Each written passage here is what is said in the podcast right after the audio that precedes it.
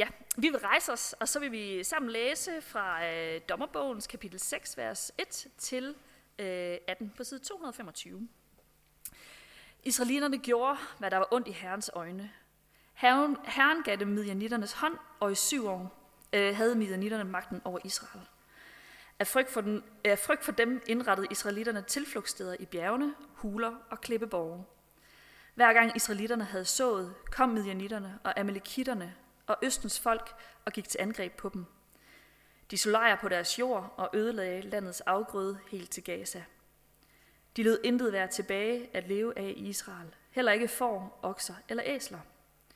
For de kom med deres hjorte og deres telte, så talrige som græshopper. Hverken de eller deres kameler kunne tælles. De trængte ind i landet og havede det. Israel blev helt øh, forarmet på grund af midjanitterne, og de råbte til Herren. Da israelitterne råbte til Herren over midjanitterne, sendte han en profet til dem. Han sagde til dem, Dette siger Herren Israels Gud. Jeg førte jer op fra Ægypten, ud af trællehuset. Jeg redde jer fra Ægypterne og fra alle jeres undertrykkere. Jeg drev dem bort foran jer og gav jer, jeres, øh, gav jer deres land. Jeg sagde til jer, jeg er Herren jeres Gud. I må ikke frygte øh, amoritternes øh, guder, hvis land I bor i, men I adlød mig ikke. Herrens engel kom og satte sig under en i ofre, som tilhørte Abesritten Joash. Hans søn Gideon var ved at tærske hvide i vinpersen for at have den i sikkerhed for midnitterne. Herrens engel viste, engel viste sig for ham og sagde til ham, Herren er med dig, tabre kriger. Gideon sagde til ham, Hør mig, herre. Hvis Herren er med os, hvorfor har alt dette så ramt os? Hvorfor er alle de under, som vores fædre fortalte os om, når du sagde, Herren førte, os op fra Ægypten? Nu har Herren forkastet os og givet os i minianitternes magt. Så vendte Herren sig til Gideon og sagde, Drag afsted i al din styrke, så skal du frelse Israel fra midianitterne.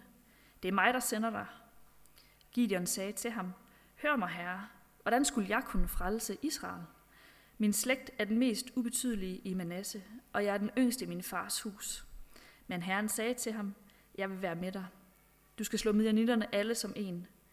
Gideon sagde, har jeg fundet noget for dine øjne, så giv mig et tegn på, at det er dig, der taler til mig. Gå ikke herfra, før jeg kommer tilbage med en gave til dig og stiller den foran dig. Han svarede, jeg bliver her, til du kommer tilbage.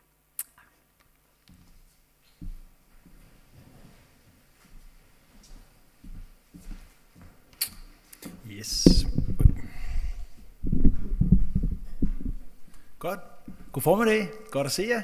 Det er dejligt at være her igen. Jeg har prøvet det før, og det er altid skønt, synes jeg. Der er jo, det er sådan meget hyggeligt, når man kommer ud nogle af de samme steder. Så er der sådan nogen, man sådan kan hilse på igen. Åh, du var her også sidste gang. Du kommer her stadig. Det er dejligt, ikke? Og du har fået lidt flere grå hår siden sidst og sådan, ikke? Tiden går. Ja, jeg hedder som sagt Daniel, og øh, nu er vi flyttet til Hillerød, men øh, har boet i København i mange år, og øh, er dejlig gift og har tre, tre kvinder i mit liv, foruden min mor og min svigermor, og det er også øh, meget godt. Og øh, så arbejder jeg som læge op på Hillerød Hospital.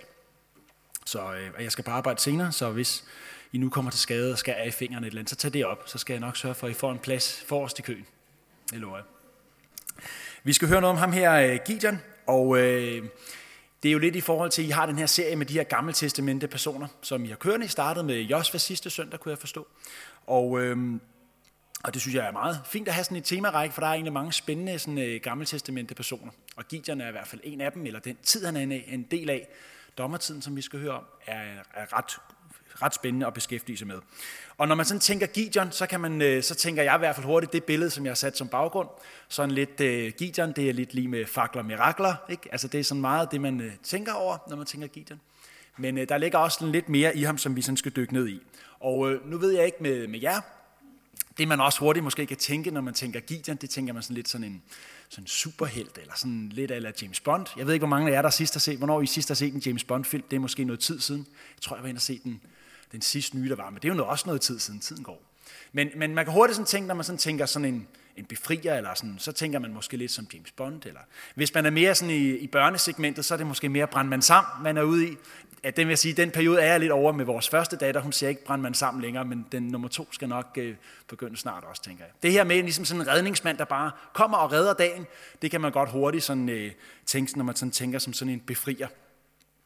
Øh, og mange personer i Bibelen er jo faktisk sådan øh, befriere. Øh, nu har jeg bare lige taget sådan to sådan ret sådan kendte befriere med. Altså Moses var jo noget, han siger, en leder, en befrier fra Israel, da de var i Ægypten. Og David besejrer jo Goliat og bliver ligesom også en, en stor konge og sådan en stor befrier for, for, øh, for folket der. Og så kan man sige, så har vi den største befrier, ham kender vi nok alle sammen, Jesus. Øh, også en befrier. Og man kan sige, på hver især, så var de her, vi har her, de her tre personer her, øh, de var jo lidt sådan, øh, sådan befrier, der var sat ind som et redskab til at løse en eller anden form for opgave, større eller mindre, mindre eller større, øh, i, en, i en bestemt tid, og var ligesom nogle redningsmænd. Og Gideon, han var også en af de her befrier, øh, han var også en befrier, men han var ikke nogen sådan, hvad kan man sige, når man sådan tænker på en befrier, så kan man godt tænke, som jeg gjorde der med James Bond, eller Brandman Sam, eller hvad nu for en reference man har. Men han var jo ikke sådan en stor stærk, han var ikke sådan en, en klassisk leder, Gideon. Og øh, det øh, vil også sådan komme lidt til udtryk i de pointer, jeg kommer til at, at tage frem i, øh, i den her prædiken. Øh, så vi skal lave sådan lidt nogle ledslag i Gideons liv, og så prøve sådan ligesom at perspektivere lidt til, øh, til sådan, ja, Danmark anno 2023, hvad vi ligesom kan tage med derfra. Yes. Jeg beder lige en øh, kort bøn, og så, så går vi i, i, i krig med Gideon. Far, tak for den her søndag. Tak fordi vi kan være her. Og øh, nu beder jeg dig om, at du må åbne vores hjerter for dit ord. Jeg beder dig om, at det må være ord for dig. Og øh, ja, at det ikke bare må være min røst, men det også må være dine ord, der vi får med hjem. Ja, jeg lægger bare prædiken i dine hænder, far. Amen. Yes. Dommertiden. Det kan måske være lidt svært at se på den her oversigt. Den er også lidt pakket. Men det giver egentlig et meget godt overblik over nogle gange det her med Israels historie, sådan, hvor er det lige, vi er henne. Og øh, som I kan se der, så ligger dommertiden der til at starte med, øh, hvad hedder det, øh, de her 1400 år før Kristus, altså der, hvor Josva ligesom slutter sit virke, og så ind til, hvor Samuel ligesom kommer i gang. Og hvis vi sådan skal tage det i, i kontekst af de andre personer, I skal til at høre om i den her serie, så har jeg sådan legnet dem ind her. Øhm, og, altså, jeg, jeg, jeg sad lidt, der, jeg synes jo, der er meget fin kronologi her, og så lige pludselig kom Biliam, som så åbenbart er et eller andet sted langt tilbage. Øhm, men han kommer altså også lidt, lidt ud af, af, af den ellers fin kronologiske kontekst, som vi kommer til at have. Men øh, yes. Men det er altså sådan her, det ser ud med, øh, med rækkefølgen. Og øh, jeg kan huske, da jeg ligesom var, var ung, helt ung, barn, så synes jeg, at den allerbedste bog i Bibelen, det var dommerbogen, fordi der var action, der var krige, der var folk, der blev slået ihjel, og det synes jeg bare var fedt at læse. Ikke? Det var spændende, og, øh, og det, var også, det var en af de bøger, vi læste allermest derhjemme. Det var sådan den her bog med nogle personer fra dommerbogen. Ikke? Så det synes jeg var fedt. Øh, men jeg må jo nok erfare, efter jeg ligesom er blevet lidt mere voksen, og at det, at det var jo ikke nogen særlig fantastisk tid. Det var jo det, man vil kalde en møgetid, som der står sådan her i, i, øh, øh, i dommerbogen, så står der sådan her, jeg førte jer op fra Ægypten og ind i det land, jeg lovede jeres fædre, og jeg sagde, jeg vil aldrig bryde min pagt med jer, og I må ikke slutte pagt med dets lands indbyggere, deres alder skal I rive ned. Men I adlød mig ikke. Hvorfor har I dog, øh, hvad har I dog gjort? Og derfor så siger jeg nu, jeg vil ikke drive den bort foran jer. Gud, israelitterne, de gjorde ikke, som, som øh, Gud havde befalet dem. Han har ligesom sagt der til Josef, som I måske hørte om sidst, at de skulle ligesom fordrive de her kananæer og få dem helt ud af landet, og så kunne de ligesom være i fred. Men det gjorde de ikke. De lå nogle af dem blive tilbage, og øh, det kan der være mange grunde til. Det kom til at bide dem i haserne, og, øh, og Gud øh, var i hvert fald ikke tilfreds, som vi læser her. Og øh, så kan man jo godt sådan blive sådan lidt sådan, okay, er Gud sådan lidt racist? Er det sådan lidt, altså, hvorfor er det, han kommer her og siger, at du skal smide nogle folk ud, de må slet ikke være her? Det er jo ikke sådan særlig fagnende, øh, at Gud siger, at man skal smide alle andre væk, og så kan der blive plads til mit lille folk her. Øh, jeg tror, vi skal se det lidt i lyset af sådan to ting. Dels så vil Gud gerne beskytte sit folk Israel, i forhold til, at de bevarer deres tro. Han ved godt, det kan være svært at bevare en tro, hvis der kommer nogle andre, øh, hvad kan man sige, øh, nogle andre meninger om tingene fra andre folk. Så det der med at bevare troen hos israelitterne, det var i hvert fald en væsentlig ting. Det vigtigste for Gud, det er jo, at, at de kommer hjem, og vi kommer hjem i, i evigheden. Og, øh, og det, det øh, skyr skyer altså nogle gange lige øh, midlet, at Gud gerne vil det. Og så tror jeg, at nummer to ting, det var det her med, at Gud havde jo en frelsesplan, som han har startet gennem Abraham og sagt, en af din familie, han skal ligesom frelse hele verden. Og, øh, og derfor så værnede Gud jo også om, at israelitterne ligesom, kan man sige, blev ved med at være hans folk, og ligesom øh, gik hans veje. Så jeg tror, det er det lys, vi skal se det i, og ikke, at han ikke kan lide kananæerne eller sådan den stil, men han ligesom værnet om de her ting. Og øh, i dommertiden, der havde vi så de her 12 dommer. Det var ikke sådan dommer ligesom sådan en retssal, det var mere sådan dommer ligesom sådan nogle ledere eller nogle befrier, frelser. Det er sådan, man sådan oversætter ordet, øh, hvis man kigger. Øh, og nu er jeg jo ikke teolog, men jeg har, det har jeg lavet mig fortælle og kunne læse mig til fra nogle andre kloge mennesker, eller nogle kloge mennesker, ja, at, øh, at det er altså det dommerne, som ligesom deres opgave, det ligesom var, at de var øh, frelsere. Og der står så meget efter de her dommer undervejs, så står der også, at han frelste Israel, så lå han en befrier fremstå. Så det var meget sådan, det deres opgave, det er ligesom bare at være det her redskab. Og Gideon, han var lige i midten, han var den sjette i rækken, og man kan sige, at de her frelser, lidt ligesom jeg lige lavede eksemplet før med Moses og med, med, med David, men også generelt for de her sådan, øh, mini-frelser, det var jo, at de kom ind i en periode, udførte en opgave, og så skulle de ligesom på en eller anden måde pege frem imod den store frelser, der så kom, altså Jesus. Og sådan er det også meget typisk for Bibelen. Nu vil jeg ikke hive for mange eksempler frem, men det her med, at Gud ligesom laver en eller anden form for lille model, så tager han den her lille dommer, udfører arbejdet af en frelser, og så skal det pege frem, så man forstår, Nå, når så Jesus kommer og frelser, så er det fordi sådan og sådan, og det var ligesom med den her lille frelser. Vi har det med Israel, der skulle ud af Ægypten, ikke? og vi har det der med, at de skulle møre blod på dørstolperne. Hvad pegede det frem imod? Så Gud gør det rigtig meget, det her med at tage noget småt, en lille model, og så føre det op, øh, som det skal pege på noget større. Og det gik jo meget fint, mens de her øh, dommer, de levede hver i der deres perioder, af de her 350 år, som dommertiden er i. Så gik det meget godt. Øh, der var øh, liv og glade dage og en tro på Gud og sådan. Men hver gang de døde, så står der meget, den her vending, så gjorde de på ny, hvad der var ondt i Herrens øjne. Og det har de altså gjort mange gange i løbet af de her 350 år. I kan få, godt selv uh, do the math når de er 12 dommer, og det er hver gang, at de ligesom dør, de her dommer, så kommer der en periode bagefter, hvor de altså på ny gør imod, hvad Gud siger. Og så er det bare, jeg sidder og tænker, okay, 350 år, det er selvfølgelig lang tid, men alligevel, hvis folket laver den samme fejl igen og igen og igen, så må man da blive lidt træt som Gud efterhånden. Og så kan man godt sige, hvorfor bliver Gud ved med at sende de her dommer? Bliv ved med ligesom at give dem en ekstra chance og sige, ah, okay, nu, nu sender jeg lidt hjælp til jer igen. Jeg tror, vi skal finde det i, øh, i dommerbogens kapitel 2, og der står der sådan her, for Herren fik medlidenhed med dem. Hov, sker der noget? Nej, godt, nej, det er fint, det er godt, vi må lige være sikre. Der står her, at, at Herren fik medlidenhed med dem. Og jeg tror virkelig, vi skal tænke det her som, at Gud er jo virkelig en kærlig, en omsorgsfuld Gud. Jeg tror ikke bare, han er en eller anden Gud, der er langt væk, men jeg tror faktisk, han er en fagnende Gud, som har hånd om, som vi synger her, har hånd om os. Og han har også hånd om israelitterne. Og det, det har han også, selvom at vi, øh, vi træder i spinaten, jogger i spinaten igen og igen og igen og igen. Så har han hånd om os. Samtidig må man jo også bare sige, at han tugter også sine børn. Og det viser også her, det her med, at der står, at han gav dem i Midianitternes hånd i syv år. Og det står der også med filistrene, at så var de i filistrenes hånd i 40 år, og så videre, og så videre. Det er meget den sådan samme gang, slagets gang i dommerbogen. At han på en eller anden måde også tugter dem, og ligesom lader nogle ting ske med Israel, som ikke er særlig rart for dem. Vi læste det her om i starten, det her med, at, at, at Midianitter bare kom, og ligesom bare, øh, bare havede området, og det var jo ikke en særlig rar tid at være en del af. Dog så må vi også bare sige, at at det her med, at han ligesom sender en, en dommer igen og igen, det vidner jo bare om to ting, og det er sådan en, en ting, I godt må tage med, som er et, et punkt i dag. At Gud han er trofast, og Gud er tålmodig. Gud er trofast, og Gud er tålmodig. Øhm, og det tror jeg også, vi må huske på i, i, i perioder, hvor vi måske ikke søger ham, hvor vi måske, øhm, hvor vi måske vender ham ryggen, og ikke lige, øhm, ja, måske at det med Gud ikke lige er det, der fylder mest i vores liv.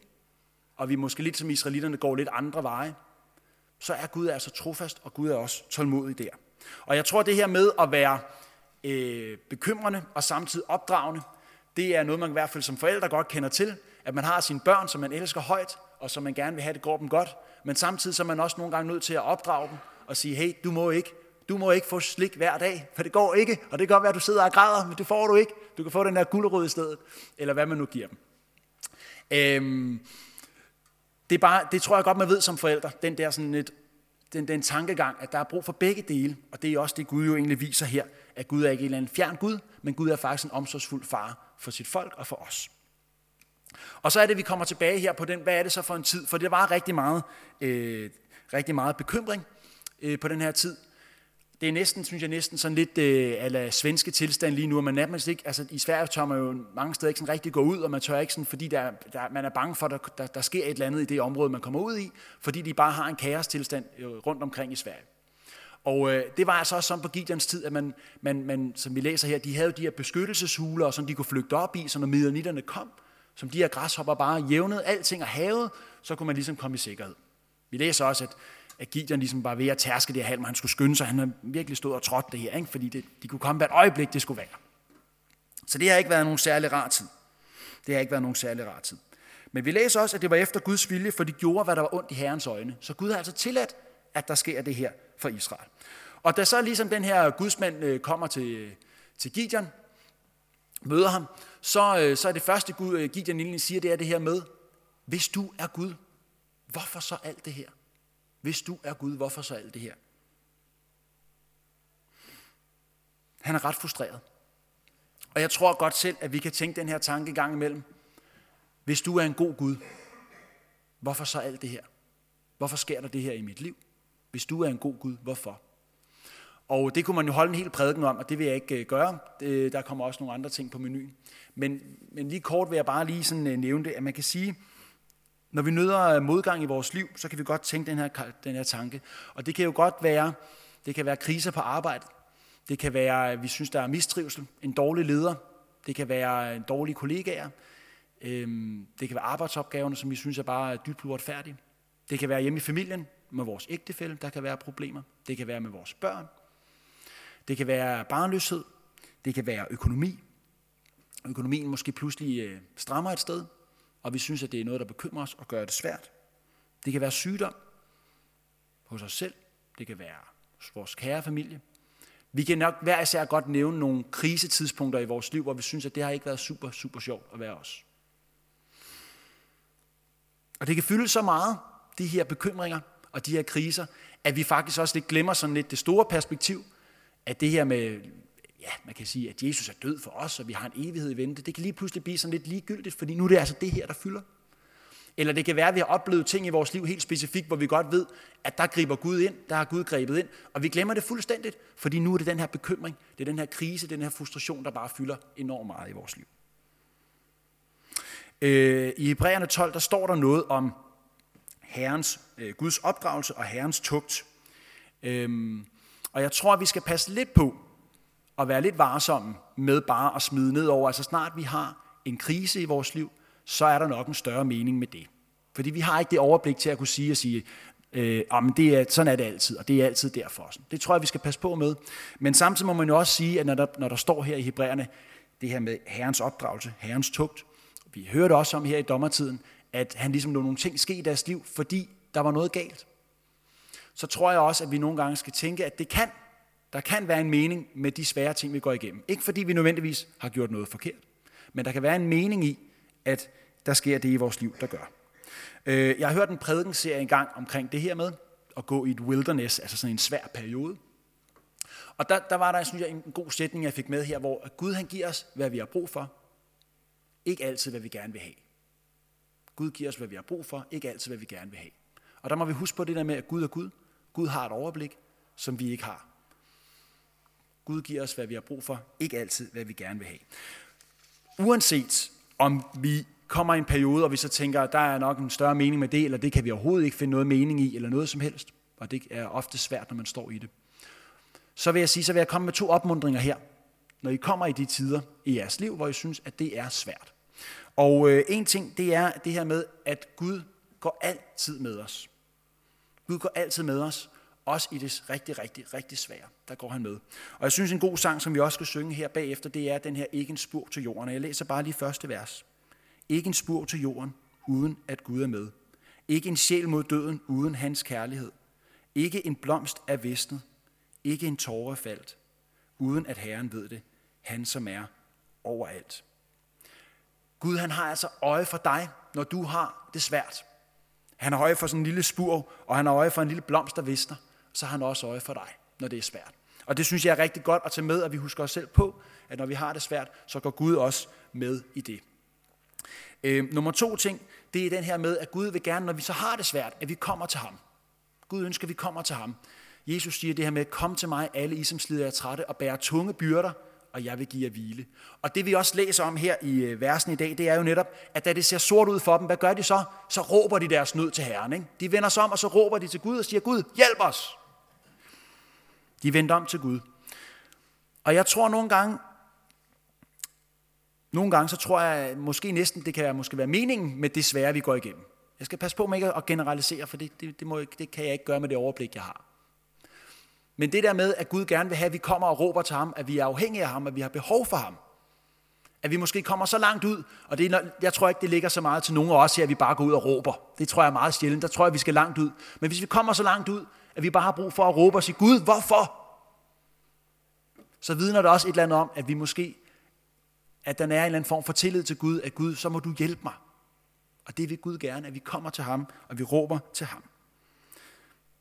Og igen, det vigtigste er jo, at vi kommer hjem i evigheden. Og det kan godt nogle gange give nogle bump på vejen. Sommetider. Gideon og hans kaldelse, det hører vi også lidt om i dag. Og øh, det er det, jeg vil kalde en Gud Classic. Og det er det sådan lidt, fordi øh, man kan sige, øh, der er noget, der sådan går igen i Bibelen, som også går igennem her med, med Gideon. Altså han, han bliver jo kaldet sådan, at der kommer en engel og ligesom siger og fortæller ham, du skal være noget særligt. Og det har vi hørt før. Vi hørte også med faktisk med Samson. Det er godt nok Samsons far, der får det, at for at vide, at du skal have en søn, og, og han, skal, han skal ligesom redde Israel. Vi hørte også med en vis Maria, der også får noget at vide på et tidspunkt. Og sådan. Så det der med ligesom at blive kaldet med en, en engel, der kommer, det har vi set før. Øhm, så der er en engel, der viser sig for Gideon, og hvad er så ligesom det første ud over den her bekymring med, at han ligesom siger, hvorfor Gud, hvorfor, har du, hvor, hvorfor gør du ikke noget? Så det næste, det er ligesom, da han så siger, englen siger, hey, øh, du er udvalgt, Gideon, du skal, du skal gøre noget særligt. Så tror Gideon jo ikke særlig meget på projektet, vel? Han siger sådan her, hvordan, hvordan skulle jeg kunne frelse Israel? Ja, hallo, jeg er jo den yngste i min fars hus. En lille ubetydelig stamme, som ingenting betyder. Og du taler til mig, at jeg skulle være en frelser, siger han sådan. Han tror ikke super meget på sig selv. Det er ikke, sådan, det er ikke en, en, en vanvittig stor selvtillid. Jeg tror ikke, det vil, det vil ikke passe så godt ind i, i nutidens Danmark, det der med, at man skal tro på sig selv og alt det der. Ikke? Det, det er der altså ikke meget af for Gideon her. Og jeg tror, vi skal tænke det der med, at, det, at det der med at bruge noget, der er småt, det er det, der er klassisk Gud. Det er en Gud-klassik, det her. Fordi Gud vælger noget, der er småt, og det gør han, så bruger han det som sit redskab, og så gør han et eller andet kæmpestort med det. Og det gør jo bare, at man så godt ved, okay, det er altså ikke på grund af den her lille ubetydelige mand, i den her lille ubetydelige stamme. Som, det er ikke derfor, det er fordi han har en Gud, som kan noget. Så det gør Guds handling endnu større, når han vælger noget småt til at udføre sin handling. Jeg tror også, det, det er også det, vi ser med Israel. Jeg var ude på et tidspunkt ude i juniorklubben og talte lidt om Israel og sådan noget. Og der var det sådan meget mantra, at Israel det var Guds redskab. Og det er det, fordi Israel er et lille land på størrelse med Jylland. Det er et ubetydeligt lille, lille land. Og alligevel så brugte Gud det til nogle vanvittigt store under, som bare kan genlyde i hele det område, det ligger i. Og hvor man bare tænkte, det der, det må være, fordi de har en stor Gud og intet andet. Øhm, og Moses, han var jo lige sådan. Han troede heller ikke på sig selv. Han havde ikke ordet i sin mund, som han sagde. Så, så det der med at bruge noget småt, og så gøre noget kæmpestort, det vidner bare om, at der er en stor Gud, der står bag. Og hvis man er mere til fodbold, og det er jeg, øh, ikke, ikke en bibel, men altså hvis man godt kan lide fodbold, det er jo sådan, det skulle lyde, så øh, har jeg et lille eksempel med her, som jeg synes er rigtig godt.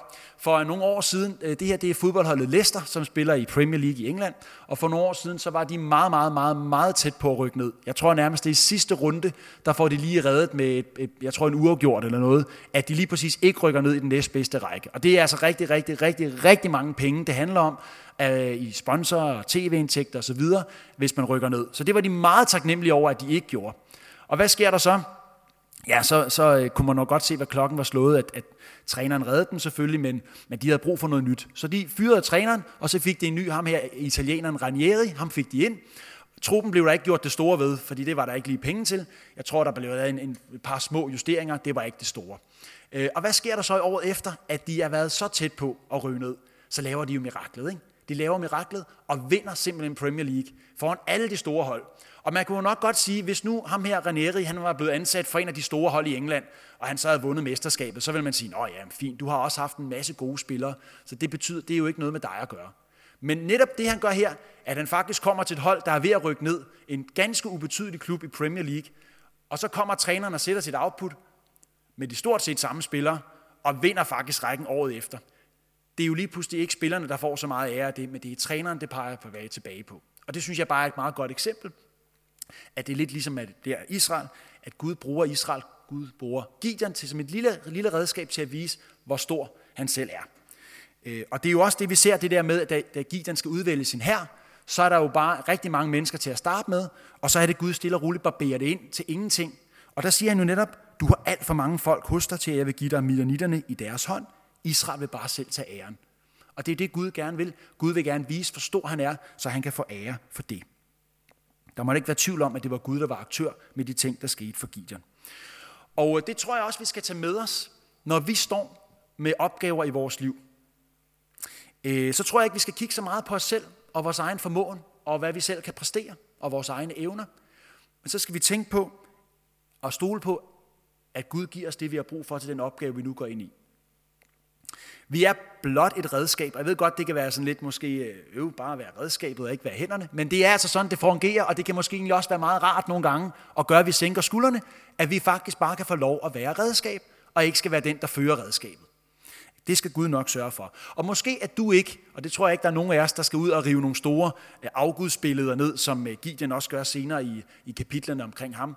Øh, og han, vi skal måske heller ikke ud og lede en, en hær, og vi skal ned og ud og nedlægge nogen, en, en kæmpe hær og sådan noget. Det, det er måske ikke det, vores opgave er.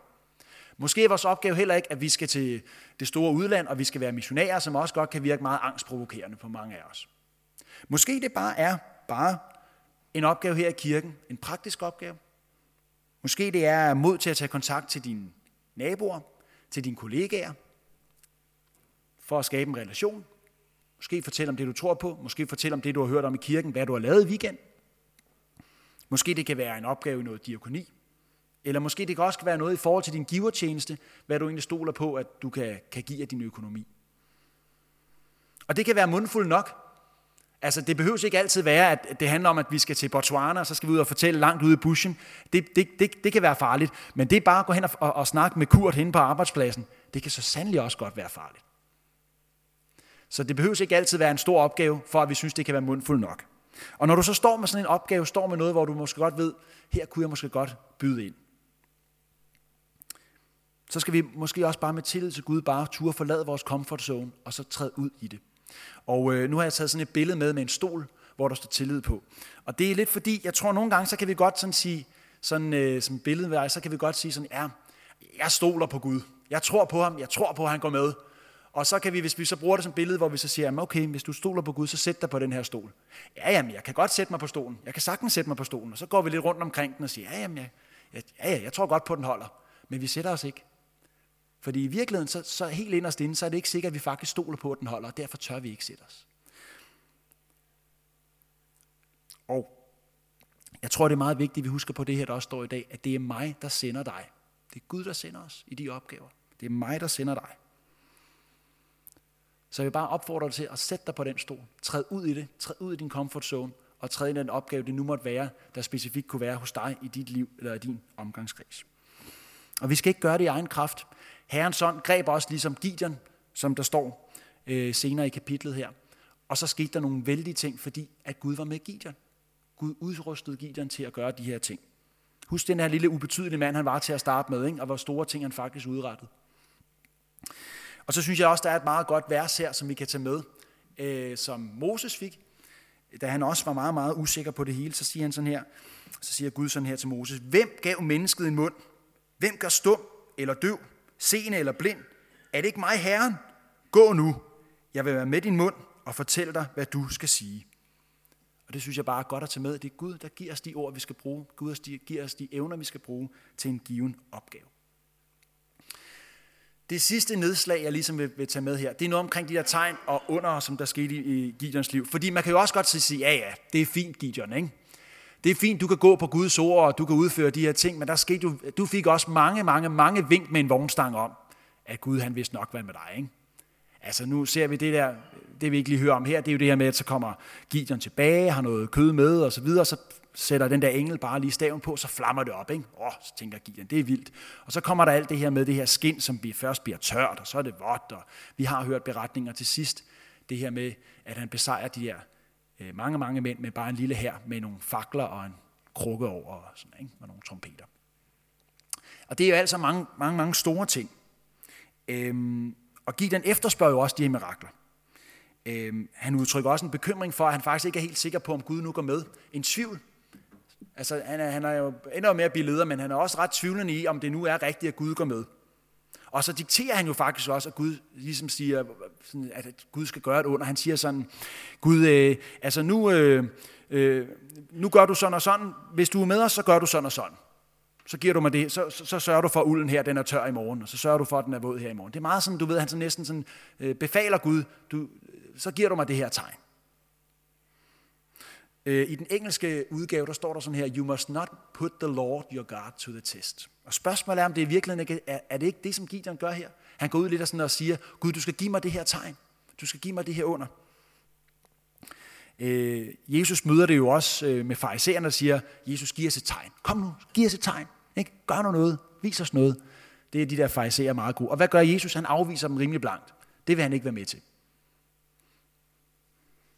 Og spørgsmålet er, kan vi godt tillade os på samme måde bare sådan at sådan, øh, sådan bede om tegn? Kan vi godt tillade os det? Og jeg vil sige grundlæggende så ja, det kan vi godt. Der er masser af eksempler på folk i Bibelen, der beder om tegn, og som bliver hørt og bliver imødekommet. Øh, Moses er jo, ja, nu har jeg heddet Moses ind nogle gange, men jeg synes også, der er mange gode lighedspunkter mellem Moses og Gideon faktisk. Men Moses han har jo også det her med, hvor han er bange for at gå, og så får han det her med først med staven, der bliver til en slange, og så får han det her med, at han ligesom tager sin hånd ind på brystet, så er den syg, og så tilbage igen, så er den rask. Altså nogle, nogle, nogle tegn, der ligesom gør, at han bliver bekræftet i, at han har, altså med, han har med Gud at gøre her, og det er Gud, der sender ham. Og Jesus laver jo også tegn i lange baner på at vise, at, at Gud er kommet til jorden. Jesus gør det ofte for folk, der er i nød, folk, der har brug for det, og folk, der er hårdt ramt. Og jeg tror virkelig bare, at tegn, det kan noget. Jeg tror tegn på, at det kan bygge os op i tro. Jeg tror tegn på, at det kan gøre, at vi, at vi øger vores tillid, at vi tør sætte os på den stol, så vi måske bare kredser rundt omkring. Jeg tror også, at, at, at tegn, det kan skabe villighed til at gå. Jeg tror, det kan øge vores tillid til Gud. Og jeg tror derfor også, at det er vigtigt, at vi måske nogle gange, selvom vi måske ikke oplever tegn, som øh, Josva gør med noget, der pludselig flammer op foran den, og sådan et, en stave, der bliver til slanger, og sådan lidt de der lidt ekstreme ting, så tror jeg også nogle gange, at vi godt må, må, må opsøge og være opmærksom på de gudsfældigheder, der sker i vores liv. Nu har jeg bare taget et lille eksempel med. Øh, vi skulle flytte til Hillerød, og jeg skulle ind og pakke øh, sidste del af lejligheden så havde jeg fået pakket sådan en, en god, stor, øh, god stor trailer der, og så øh, skulle jeg lige ud og gøre et lille, øh, nogle, nogle ting ude på Bispebjerg Hospital, så jeg får ligesom sat traileren og får ligesom øh, låst traileren der, og så, øh, og så går jeg så hen ligesom og, og forklarer de ting. Og så da jeg ligesom er ved at være færdig med det, jeg skulle have klaret et par timer senere, så begynder jeg sådan ligesom at mærke mig sådan lidt lommen, og så var sådan, hvor den der nøgle der til traileren, som jeg har låst, og som jeg har lånt af svigerfar på LMH.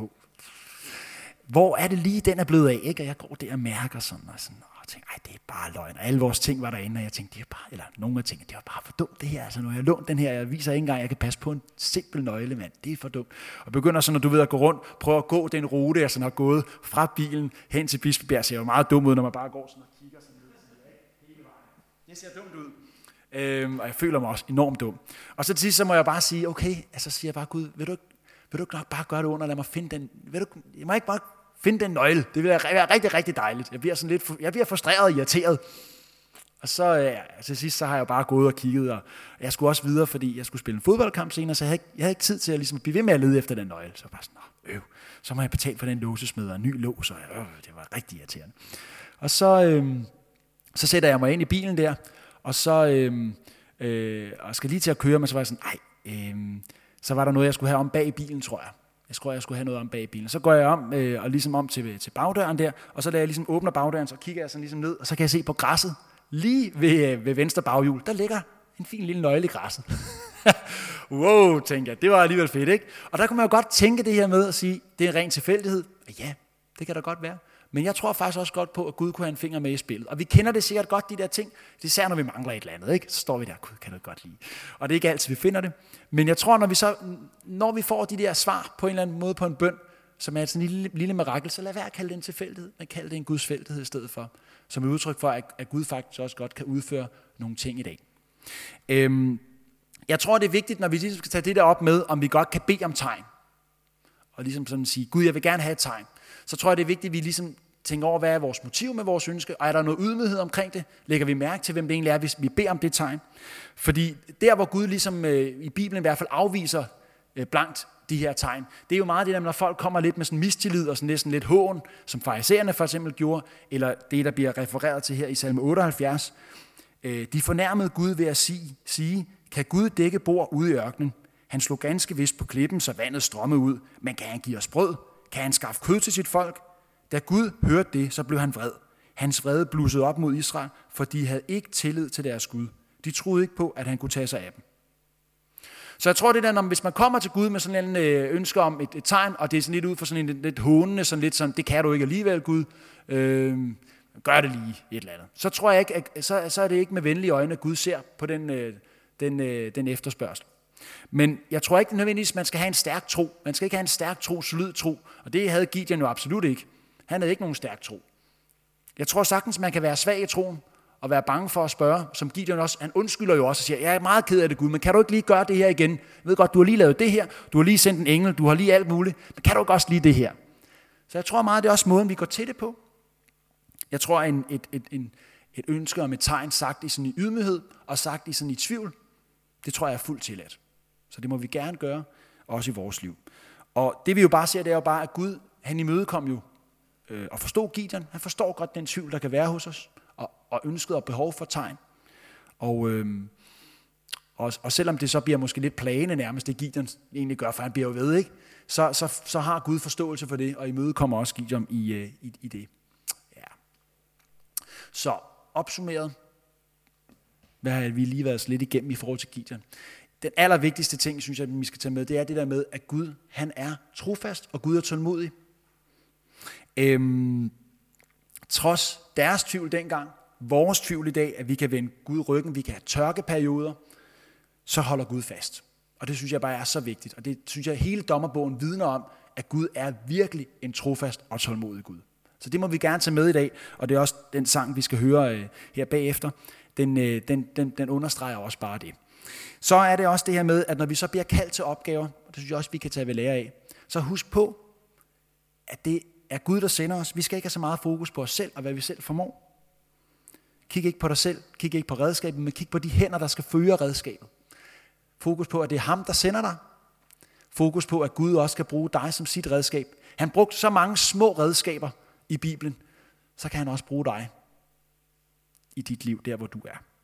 Så vi kan også godt bruge som redskab, hvis vi tør at gå ud på det og sige, Gud, okay, jeg synes ikke, det er super rart det her, men nu går jeg, og så må du bare holde fast. Så må du bare hjælpe mig. Og så den sidste ting her, når vi har modgangstider, og det vil vi få alle sammen, der er ikke nogen, der går igennem livet uden at synes, at livet kan være svært en gang imellem. Så husk på det her med, at Gud går altid med. Vi skal synge ikke en spor til jorden om et øjeblik. Husk, han går altid med. Det har han lovet os, og det gør han.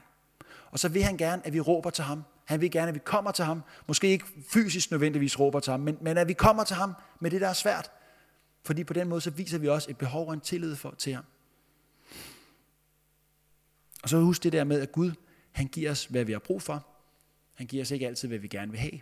Og det vigtigste for ham, det er, at vi kommer hjem. Øhm, det har ikke sagt, at der er en mening med, med, med, med dårlige ting i vores liv altid, men det kan der være. Så tænk over det, at Gud vil gerne, det allervigtigste det er, at vi kommer hjem til ham. Yes. Jeg beder en bøn, og så skal vi lige høre den her sang bagefter omkring trofasthed.